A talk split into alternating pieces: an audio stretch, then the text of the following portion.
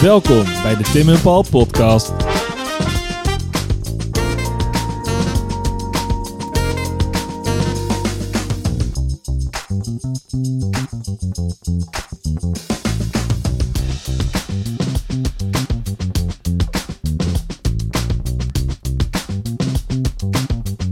Nummer 21. Nummer 21. Terwijl wij de kroonkurken van de bierflesjes afgehaald hebben, Ja, eh, denderen we aflevering 21 in. als een afgeschoten kadaver Uit een trebuchet. uit een trebuchet knallen door de geschiedenis heen. Ehm, Paul, Ja. ik ga gewoon beginnen. Doe dat. Eh, heb jij die nieuwe, eh, de poster gezien van die nieuwe film over de Tweede Wereldoorlog in Nederland? dat is iets van de slag om de Schelde. Ja, heb ik voorbij zien komen. Wat ja. ligt er in het water? Weet ik niet. Oké. Mensen? We gaan even terug naar de Slag om Arnhem podcast. Ja. Ik heb je Die verteld, illustere die illustere avond. Ja. ja, Mensen vragen wel eens Die waar is die, waar is die die eh, podcast ja, bootleg, waar ja. is die gebleven? We Eh, hebben hem nog. we hebben hem nog en ehm, dat is echt een soort van special voor het moment van het jaar. Ja. Ehm, Tijdens de slag om Arnhem. tijdens ja. Slag om Arnhem, dan willen we hem nog wel weer online zetten. Ehm, anders niet. Waar kwam op dat moment tijdens de Slag om Arnhem het grootste deel van de troepen mee naar Nederland? Ga je me nu over horen Ja. over een podcast die we twee jaar geleden Ja. hebben opgenomen? Ja, Eh, waarmee kwamen ze met twee vliegtuigjes? inderdaad. Paul. Ik wil het vandaag met jou hebben over de Airspeed Horsa. Vet. Eh, de Airspeed Horsa was een zweefvliegtuig. En ehm, daar ga ik het vandaag met je over hebben. Het was, ik zou bijna willen zeggen, het werkpaard onder de, eh, Onder de zweefvliegtuig. onder de zweefvliegtuigen van, van de, met name de Britten tijdens de Tweede Wereldoorlog. Een iconisch apparaat, werkelijk. Ehm, het principe is heel simpel. Het is een vliegtuig zonder motoren. eh, in dit geval van echt triplex. het is van hout. Het, Ja. het slaat eigenlijk helemaal nergens op. Ehm, en het moet zijn voortsturing dus halen uit, een- uit een ander vliegtuig. Of uit, en ja, je hebt nu ook zweefvliegtuigen die gewoon aan een kabel gaan, weet je wel. Dat is de, echt dat sportzweefvliegen. Maar je moet je voorstellen bij deze dingen... dat er eh, dus een zweefvliegtuig van triplex was, van Mhm. hout... waar allemaal mensen in zaten. Hoe, hoeveel mensen? En daar kom ik straks op. Maar een mannetje of 30 ongeveer eh, kon erin. En dat er dan een andere, ander vliegtuig voor zit. Vaak een bommenwerper, een Sterling bommenwerper.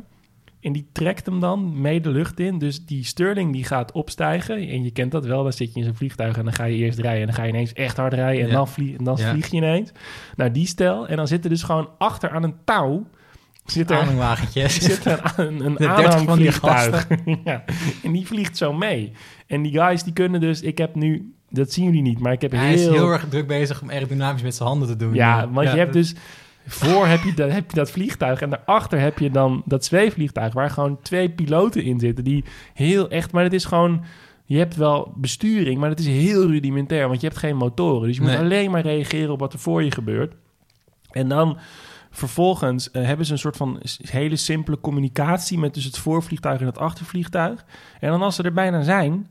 dan wordt er een kabel losgemaakt... Eh, Adios. Adios amigos. En het is, er zijn ook wel filmpjes van. Je denkt, oké, een zweefvliegtuig... dat is misschien niet heel relaxed... vergeleken met een normaal vliegtuig als je gaat landen. Maar je, gaat wel, je, je daalt wel redelijk gecon- Ja. ge- gecontroleerd. Nou, dat was niet zo. Die dingen die vallen gewoon eigenlijk als een baksteen naar beneden. Gecontroleerde neerstortactie eigenlijk. En dan vervolgens wordt er heel hard aan de flaps, weet ik veel... aan die dingen getrokken... dat hij nog een klein beetje zijn neus laatste, laatste moment. zijn eh, neus omhoog krijgt ja. en dan klats. Dan stort hij gewoon eigenlijk half neer. En er zijn dus filmpjes van dat ze heel mooi op, op, hun, op hun wielen zo hobbelend Dat gebeurde Er vaak zaten niet. wel wieltjes onder dan. Ja, ja, ja, er Ja. zaten wielen, wielen, onder, wielen onder en er was ook een soort van slee, een soort van skid noemen ze dat, een soort Mhm. van ski eigenlijk, die je dan, waarmee je dan nog, nog verder gleed. Maar er zijn ook gewoon verhalen dat, er, dat dat ding gewoon met de neus ehm, in, het, in, in het zand gaat en dan klats. En dan, staat, en dan zit er een jeep in bijvoorbeeld, daar kom ik straks op. En dan flikkert, of dat mag je, dat mag je niet meer zeggen, maar dan dondert dus die hele handel door, door dat vliegtuig heen. En dan gaat gewoon iedereen dood, want het is van hout, weet je. Het is een soort van vliegende doodskist. Ja. En je moet je ook voorstellen, deze dingen zijn bijvoorbeeld ook gebruikt eh, in de campagne op Sicilië. Dat is een, vol- volgens mij uit mijn hoofd, doe ik het even, in 43 Mhm.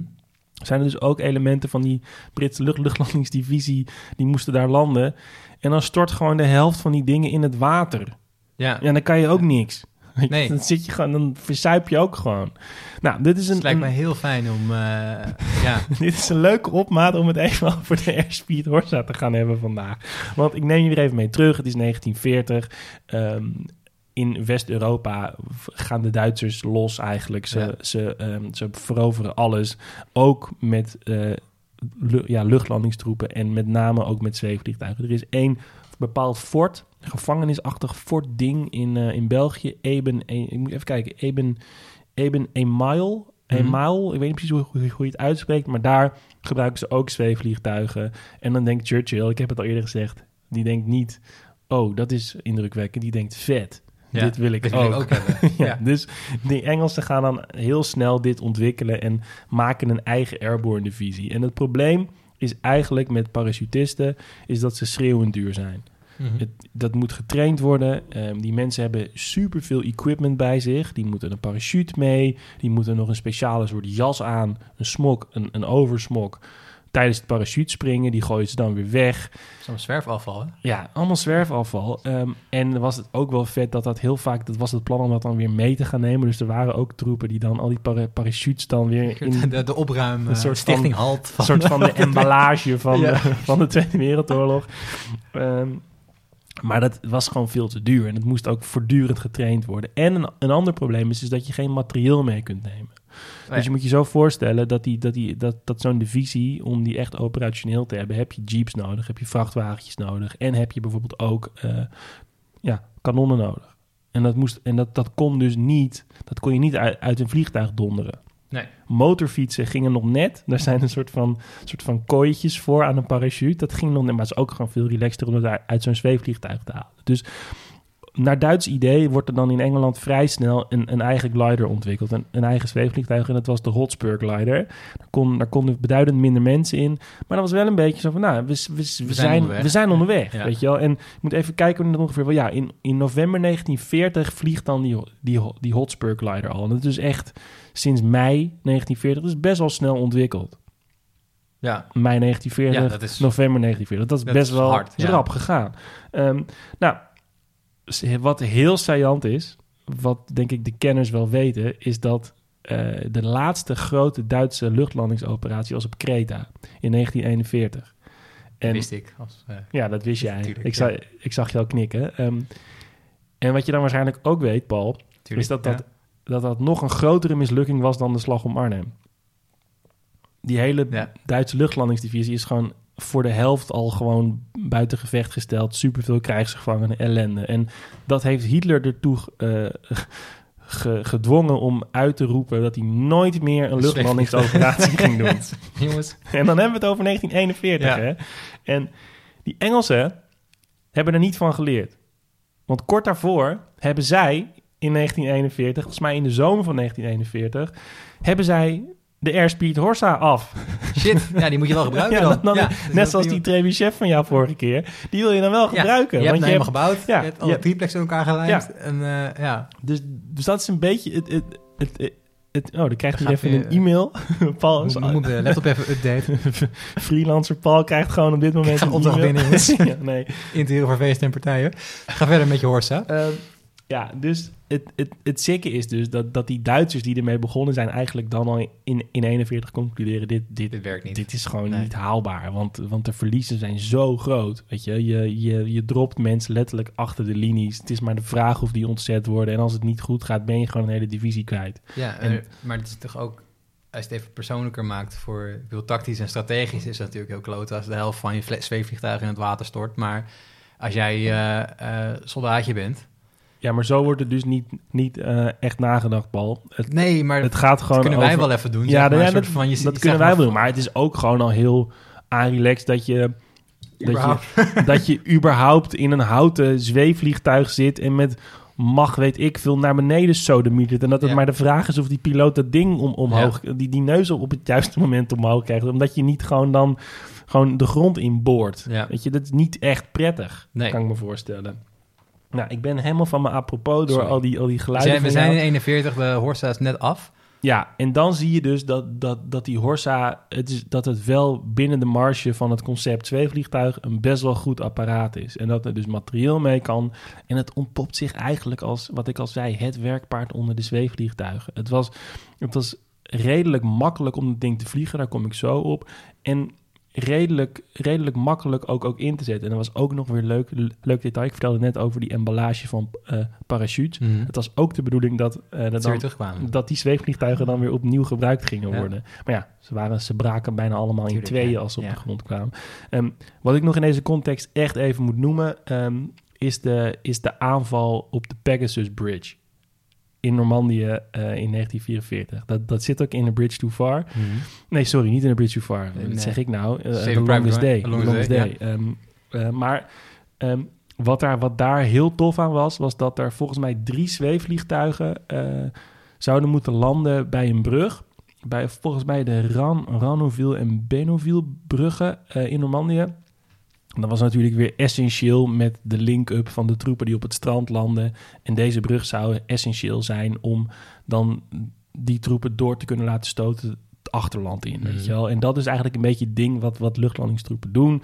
Ze, ze worden gestuurd voordat de echt de, de grote eh, troepenmacht komt. En zij moeten dan strategische punten eigenlijk vasthouden. Het is Ja. niet echt een soort van offensieve macht. Daar ging het in, in Arnhem ook mis. Maar ze moeten eh, gewoon eigenlijk zo dicht mogelijk bij dat gebied landen waar ze iets moeten veroveren. En die bruggen zijn heel tof. Eh, in de nacht van 5 op 6 juni. En op 6 juni komt de grote aanval. In die nacht worden er dus drie eh, zweefvliegtuigen daar al naartoe gestuurd.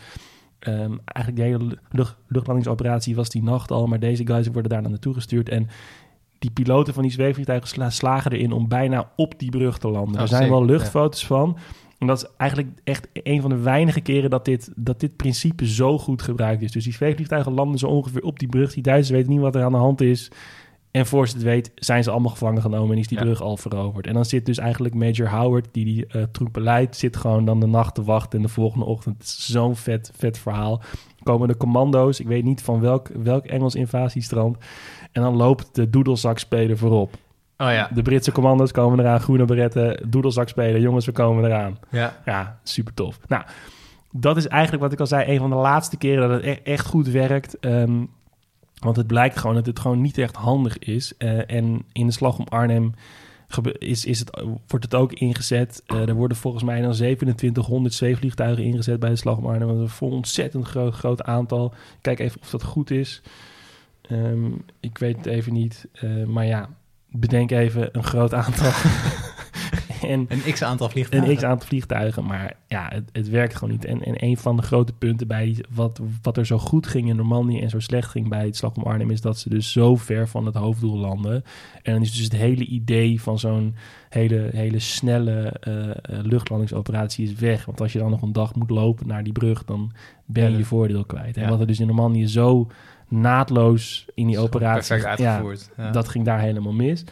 Ehm, en ik wil nog heel even, als ik mag van de tijdbal, Ja. eh, nog heel even ja, jij over, bent altijd ja, de, ja, de tijd. Ehm, over het Glider Pilot Regiment hebben. Want je moet je voorstellen, in die zweefvliegtuigen zaten dus twee kerels die dat ding aan het besturen waren. Achter in het bakkie zaten of militairen of jeeps of, een- of een kanon. En voorin zaten dus twee guys die eh, dat ding moesten besturen. En dat was echt... Ik zei al een keer dat de parachutisten de crème de la crème waren. Deze guys waren dan de crème van de crème van de crème. Mhm. Dit was echt... Dit, dit waren een soort van hele sikke multifunctionele soldaten. Want je moet je voorstellen, ze zaten dan bij een of ander regiment, noem eens eh, de King's Own Scottish Borderers of zo. Noem, noem maar eentje. Ze zeiden, eh, ik wil naar, naar de Glider Regiment, want dat is vet. Nou, Ja. dan, moet je, dan werd je getest, werd je dingen gedaan en, en dan kreeg je gewoon een pilotenopleiding. Dan moest je gewoon een vliegtuig leren besturen. Je had daarvoor alleen nog maar met, met een Lee Enfield geweer op, op, op een dingetje geschoten op 20 meter. En nu Ja. moest je ineens een vliegtuig besturen. Nou, eh, vervolgens, als je, als je dat afgerond had, ehm, dan, vervolgde, dan vervolgde je met een soort van hele sikke wapentraining. Want het idee was dat deze mensen de total soldiers waren. Dus elk wapensysteem wat er gebruikt werd, Kunnen beheerste zij. Ja. Dus dat kan je je voorstellen. Je, je leerde alle wapens gebruiken. Ja. Je, je kon nog net niet een tank besturen. En je moest ook een vliegtuig besturen. En het sikke is dat eh, de Amerikaanse tegenhanger hiervan... die werden gewoon eigenlijk... als dat waren een soort van buschauffeurs. Die landde dat zweefvliegtuig. En die gingen daarna wachten totdat ze opgehaald werden om weer naar huis te gaan. Ja. Terwijl deze guys ook in de slag om Arnhem... dat zijn de meest idiote gevechtsverhalen van, van glider pilots... die bommen naar dingen gooien en zo. en dat is echt idioot. Eh, en wat ook nog wel vet is, wat, wat echt een scheldwoord was binnen het, het, het Glider Pilot Regiment, was RTU. En dat betekent Return to Unit. Want schijnbaar als je de training niet haalde, werd er in een je, beetje teruggestuurd. werd er in je, in je soldaten eh, zakboekje gestempeld RTU. Je bent teruggestuurd naar je unit, je hebt, je hebt de kut niet gehaald. Oké, Je hebt het geprobeerd, maar je bent niet goed genoeg. het, was, Helaas. het was hem niet. Nou, Nee. Long story short, na de Tweede Wereldoorlog verdwijnen die zweefvliegtuigen eigenlijk helemaal. Eh, je kent wel de helikopter en dat neemt, wel gehoord, ja. dat, dat neemt eigenlijk die hele functie over. Want ehm, wat, wat een zweefvliegtuig deed, was dat het mensen en materieel op een hele speciale of ja, gepinpointe plek kon, kon, kon achterlaten, kon droppen. En dat neemt een helikopter over. Dat is veel, Ja. dat, daar, daar breng je gewoon iemand naartoe. Dan stappen de mensen uit en die helikopter vliegt, vliegt weer weg. En het Britse leger is het Britse leger niet. eh, zou het Britse leger niet zijn als dat helemaal is vastgelegd met de tradities en zo. Dus je kunt je voorstellen dat ehm, de traditie van het Glider Pilot Regiment nu is overgenomen door het Army Air Corps. En dat zijn de piloten van de, van de he- helikopters, Helikopters. tegenwoordig. Oh, wat sick. Het is gewoon nog steeds hetzelfde. ja, ja. Dus, dus, dus, dus je ziet dus ook, dat was ook wel idioot, bij her- herdenkingen zie je dan oude glider pilots nog met een rode beret op, met het insigne van het, het, het eh, Glider Pilot Regiment. Terwijl daar dan ook eh, hedendaagse sol- soldaten staan met een blauwe beret op van het Army Air Corps. Maar dat is dan dezelfde Hetzelfde, traditie die zij voortzetten. Wat sick. Tot zover. Maar dat is toch ook een beetje, sorry, dat is misschien een beetje zuidelijk, maar je hebt ook, zeg maar, dan dat bepaalde tankeenheden en zo, wordt dan ook cavalerie genoemd en zo, toch? Dat is ook Dat is gewoon exact hetzelfde. van, van, ja, we zaten vroeger op een paard en nu zitten we in een tank. Ex- exact En, eh, hetzelfde, ja. ja. En, en je ziet bijvoorbeeld ook, dat, daar kunnen we ook een keer een podcast over doen. Het, in het Nederlandse leger is het ook aan de hand. Want je hebt bijvoorbeeld het, ehm, het, het, het, het regiment stoottroepen... nee, Nee, sorry. Het regiment jagers en Ja. het regiment grenadiers. En dat is echt uit, uit de 18e eeuw hartstikke oud. Dat is op een gegeven moment een garde-regiment geworden. Dus dan stijgt het in status. Dus had je het garde-regiment grenadiers en het garde-regiment jagers. En in de grote bezuinigingen is dat samengevoegd. Dus nu heb je het garde-regiment grenadiers en jagers. Ja. Snap je? Dus het werkt gewoon de hele tijd dat, dat al die tradities weer door de een, een, eenheid worden allemaal, dingetjes, overgenomen. allemaal extra dingen op je vaandel moet Ja, bij, ja, eh, bijspijkeren en zo. Ja. Ja. Oh, sick. Ja. Vet. Tot zover. Dankjewel, De Tim. Airspeed Hor Horsa. De, de werkpaard van de luchtmobiele units. Ehm, ik ga... Of zoiets. Of zoiets, hè? Ja. Kort samengevat. Ehm, in jouw verhaal waren de Engelsen heel duidelijk een soort van the good guys, toch? Hè, laten we wel wezen, we zijn blij met hoe de oorlog Ja, uiteindelijk... ja, het heeft even geduurd, maar de Had oorlog slechter gekund. had absoluut slechter eh, eh, kunnen uitpakken. Die vijf jaar was al eh, heftig genoeg. Ik ga jou een verhaal vertellen waarin de Engelsen toch een iets andere rol hebben gespeeld.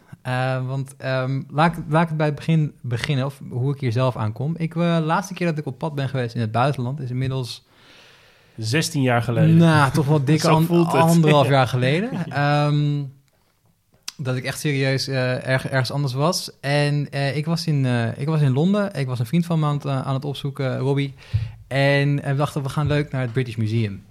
Want, eh, Ja, daar ben ik ook wel eens ja, Het geweest. is een mooi museum. Engelse musea zijn altijd, uh, altijd. Kamon ook, toch? Ja, die hebben allemaal, allemaal... Nou, daar kom ik zo ja, op. Ja. Ehm, of, of dat beeld van Nef Nefertiti? er zijn heel veel dingen die, die, niet uit? Engeland, die niet uit Engeland komen en komen daar vandaan. Ehm, maar is, ik, ik loop daar naartoe. En eh, zoals jij misschien, jij hebt een tijdje in Londen gewoond. eh, zoals je misschien weet, is daar een gigantisch probleem met eh, rough sleepers of dakloze mensen, dak, Ja. dak- en thuislozen. En je stapt eruit bij, eh, en dit British Museum ligt in een best wel rijke, eh, rijke buurt van, eh, Ja. van Londen. Im- Eh, imposant gebouw, enorm koloniaal, interessant, enorm veel- koloniaal, ja, supermooi. Veel marmer. Heel veel marmer, heel veel grote binnenplaatsen ook in die huizen daaromheen en zo. Andere musea, eh, Victoria en Albert zitten ook vlakbij.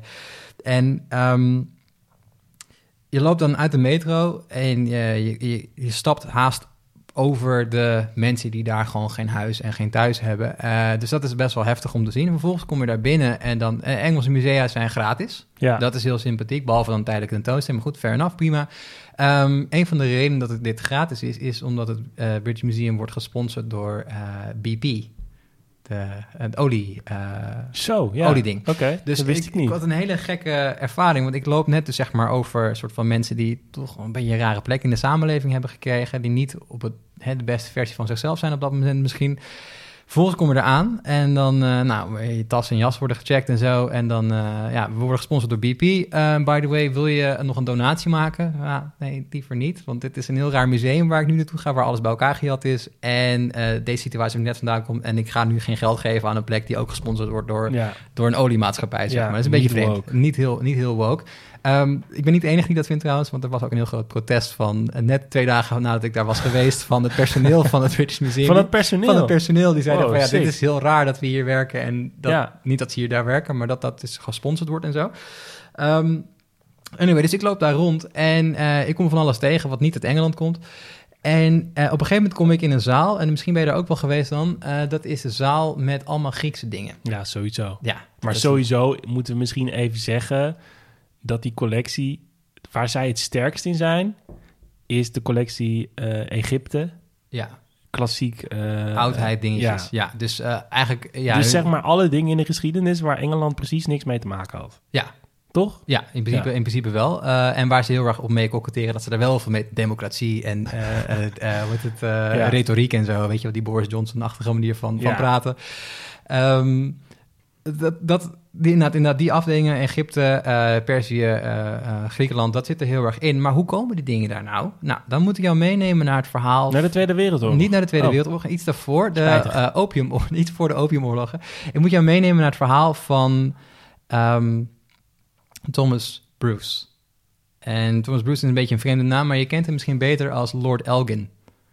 Ja, Lord Elgin, die ik, heeft ken, ik ken vooral een zeker object als de Elgin Marbles. de El- Elgin Marbles. En ik, zoals je misschien weet, Tim, ben ik, ik ben niet het scherpste mes uit de, uit, de- uit de keukenla. ik heb heel lang gedacht, Elgin Marbles, Marbles, dat is ook knikkers. Dat zijn ook knikkers. Wat? Ja, als je zeg maar knikkers, Ja, weet je maar ja, ik snap dat- niet waar dit ja, heen Dus ik dacht, ik, ja, ik heb heel lang gedacht, oh, raar dat daar knikkers uit, uit Griekenland liggen of zo. Weet je wel, what the fuck. Blijkt dus niet dat het knikkers zijn, maar het blijkt dus dat die hele zaal vol staat Met, Met- marmer. met marmer uit oude Griekenland. Ehm, dus die hele zaal, en het is echt een kolossale rij met, eh, met allemaal paardenhoofden en soldaten en, en eh, allemaal afbeeldingen uit de Griekse mythologie. En de Griekse mythologie is, is, is eh, goed beschreven en, en vrij belangrijk voor, voor heel veel verhalen. Eh, en dat staat allemaal daar. En dat is natuurlijk best wel, best wel dubieus, want het komt oorspronkelijk van het, ehm, eh, het Parthenon af. Parthenon dat op de eh, Acropolis staat in, in Athene. En daar is, dat is eigenlijk een ruïne nu. En dat heeft onder andere te maken met, met Lord Elgin. En wat Lord Elgin deed, is... die was in eind 18e eeuw, begin 19e eeuw... was hij ambassadeur vanuit Groot-Brittannië in het Ottomaanse Rijk. Ja. Dat is eigenlijk in, in Istanbul, of zou zij goed vasthouden aan Constantinopel, maar dat was natuurlijk gewoon Istanbul. Ehm, en hij, eh, Athene valt op dat moment onder het Ottomaanse. Ottomaans, Ottomaanse Ja. eh, Rijk. Dus hij gaat daar naartoe en hij krijgt dan een soort van ja, vage opdracht van... Hey, kan je iemand hebben, eh, kan je iemand inhuren om die, eh, die beelden die op het eh, Parthenon staan... om die te tekenen en misschien in, in, in gips af te gieten... zodat we dat nog kunnen bewaren, want die dingen vielen een beetje uit elkaar en zo. Nou, Ja. Oké, prima, dat ga ik doen. Toen in plaats van dat te doen... heeft hij gewoon de hele Een boel bijtel eraf- gepakt. een bijtel gepakt, de hele boel eraf geroust en naar Engeland laten versturen. En eh, dat gaat echt over een gigantische eh, hoeveelheid aan steen wat uiteindelijk meegenomen is. En hij zegt zelf dat hij daar eh, een soort decreet van heeft gekregen vanuit de, Ottomaanse regering.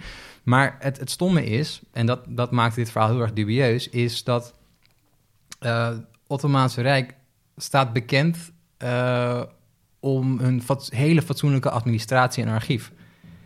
En die brief dat hij dus dat heeft mogen doen, is nooit gevonden. Ja. Dus hij heeft gezegd van ja, ik heb een brief en dat zal misschien waar zijn of niet, maar het is in ieder geval niet in het archief. Terwijl eigenlijk alles wat hij anders deed, is, Is wel, in het is wel in archief. het archief te vinden. Ja, dus er- dat is zit, er, zit, er zit een beetje een raar, raar verhaal achter. ja. Maar hij denkt, ja, ik ben Lord Elgin. Hè? Ik, eh, ik neem Ik gewoon ik, Ik heb een hartstikke leuke vrouw thuis. Ik ga die spullen gewoon lekker naar mijn, eh, naar mijn meisje toesturen. Nou, wie zou er niet blij mee zijn met al die, met al die pa- marmeren paardenhoofden? Het was in, in, in de tuin gezet bij het graafschap eh, Elgin. Elgin. Ja, Of, eh, de graaf van Elgin. Eh, en hij, eh, hij wil dat eigenlijk gewoon naar zijn huis brengen. En dat heeft hij ook, heeft hij ook gedaan. Ehm, en op een gegeven moment in 18, even uit mijn hoofd, 1803 of 1804 zegt hij nou, eh, jongens, uh, tabé. Doet me toch iets te onderhoudgevoelig. ja, ik ga, ik ga terug naar, naar Engeland. oh, zo. ik Ja, heb een ja. beetje heimwee. En, maar we zitten ook in Napoleontische tijd. Hij is Engelsman. Hij komt via Frankrijk. Moet je dan naar Nederland of naar Nederland, naar Engeland toe.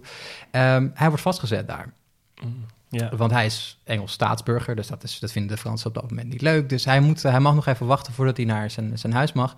Eh, hij blijft daar drie jaar in de gevangenis zitten ongeveer. Vervolgens gaat hij terug naar, eh, ehm, naar zijn estate. En eh, komt erachter dat zijn vrouw er vandoor is gegaan met iemand anders. Want zij dacht, ja, deze vent komt nooit meer thuis. Want hè, dus drie, het is zit drie jaar, drie jaar sinds ik zijn- in Frankrijk. drie jaar sinds Ja. ik mijn laatste brief heb gehad. Ik zoek, het, ik zoek mijn heil ergens anders. Ja. Dus hij denkt, ja shit, ik moet wel alimentatie betalen.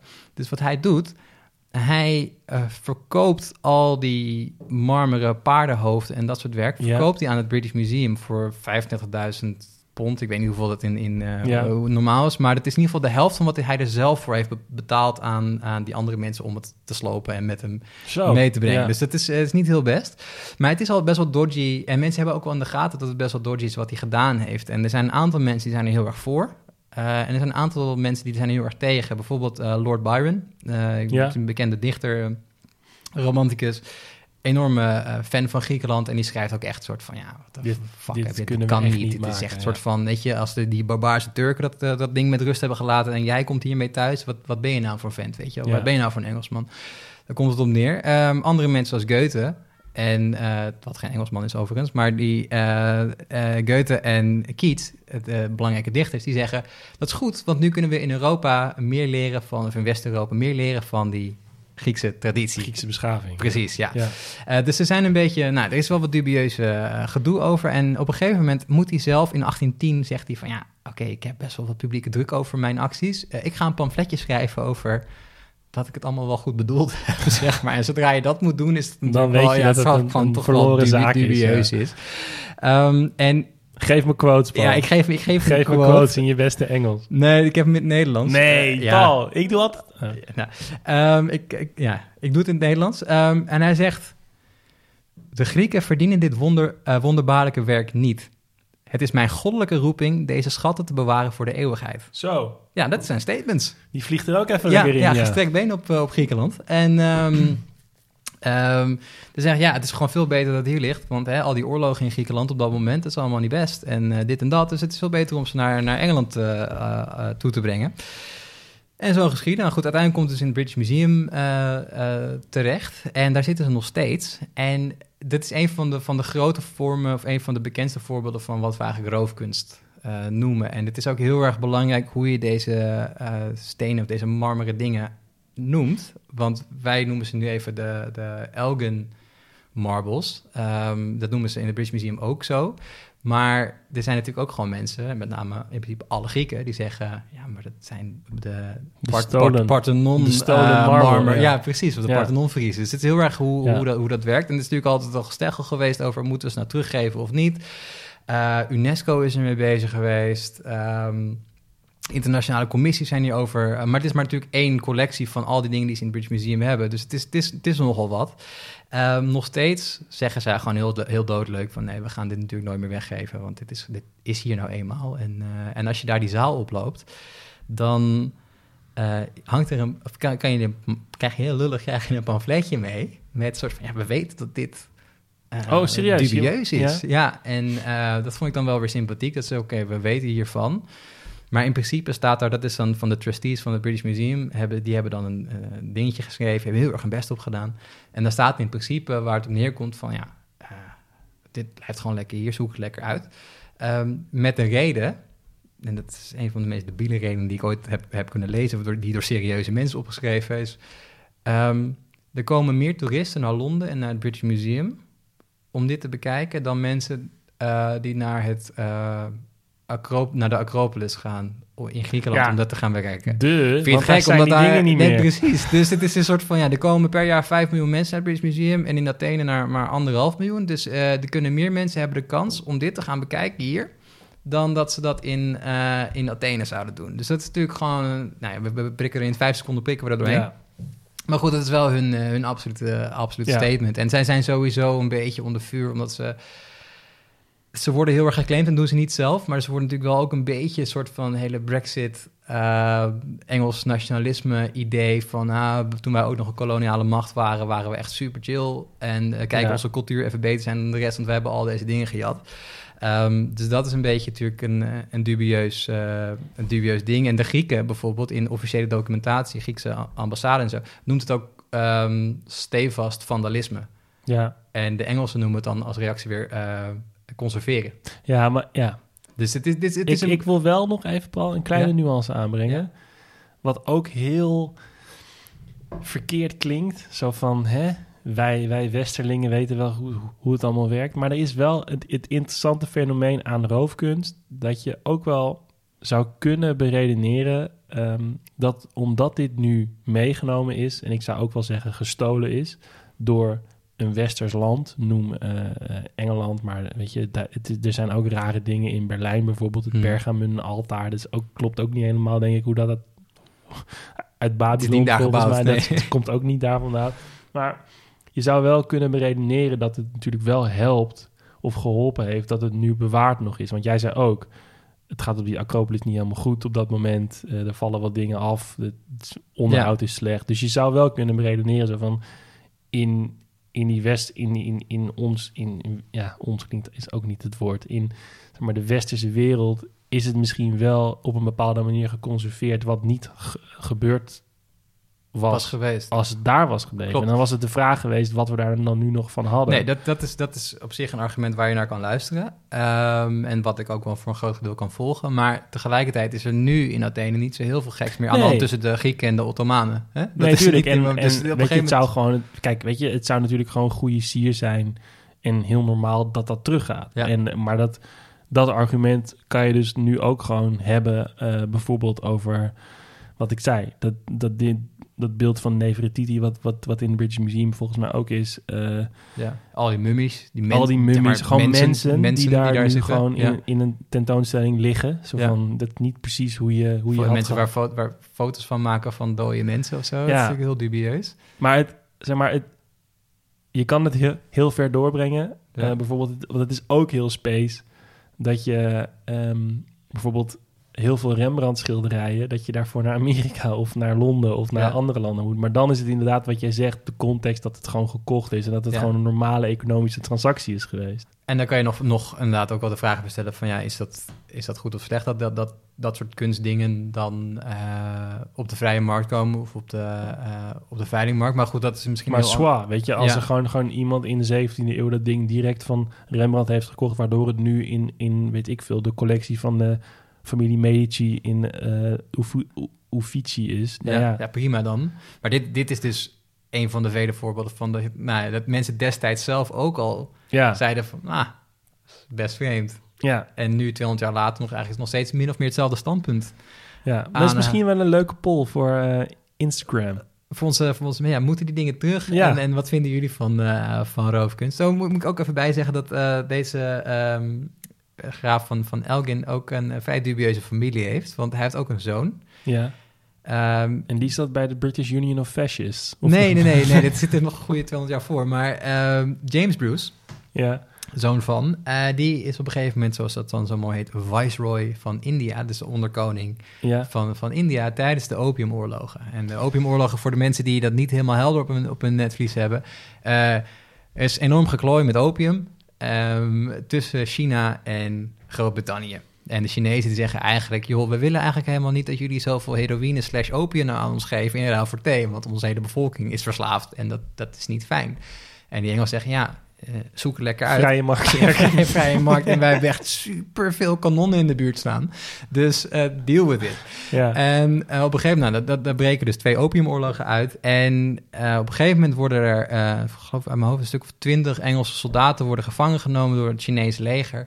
En die worden, ik ben even kwijt of ze geëxecuteerd worden of dat ze vastgezet. In ieder geval, die, daar dat loopt niet helemaal lekker met ze af. Nee, het gaat niet helemaal goed met die jongens.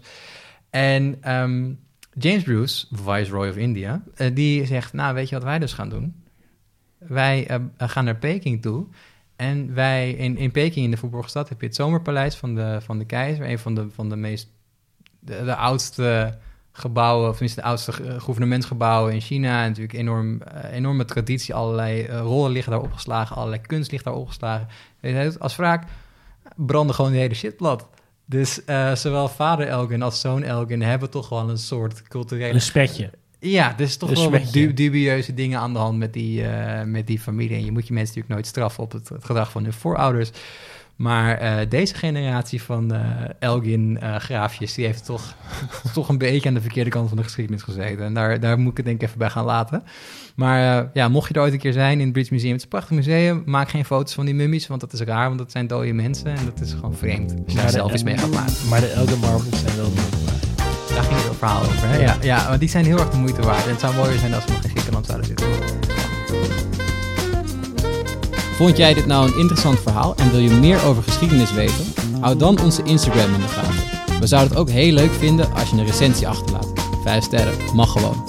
En heb je nou een vet idee waar we het over kunnen hebben? Slide dan in onze DM's. Durf gewoon te vragen. Tot de volgende. Groetjes thuis.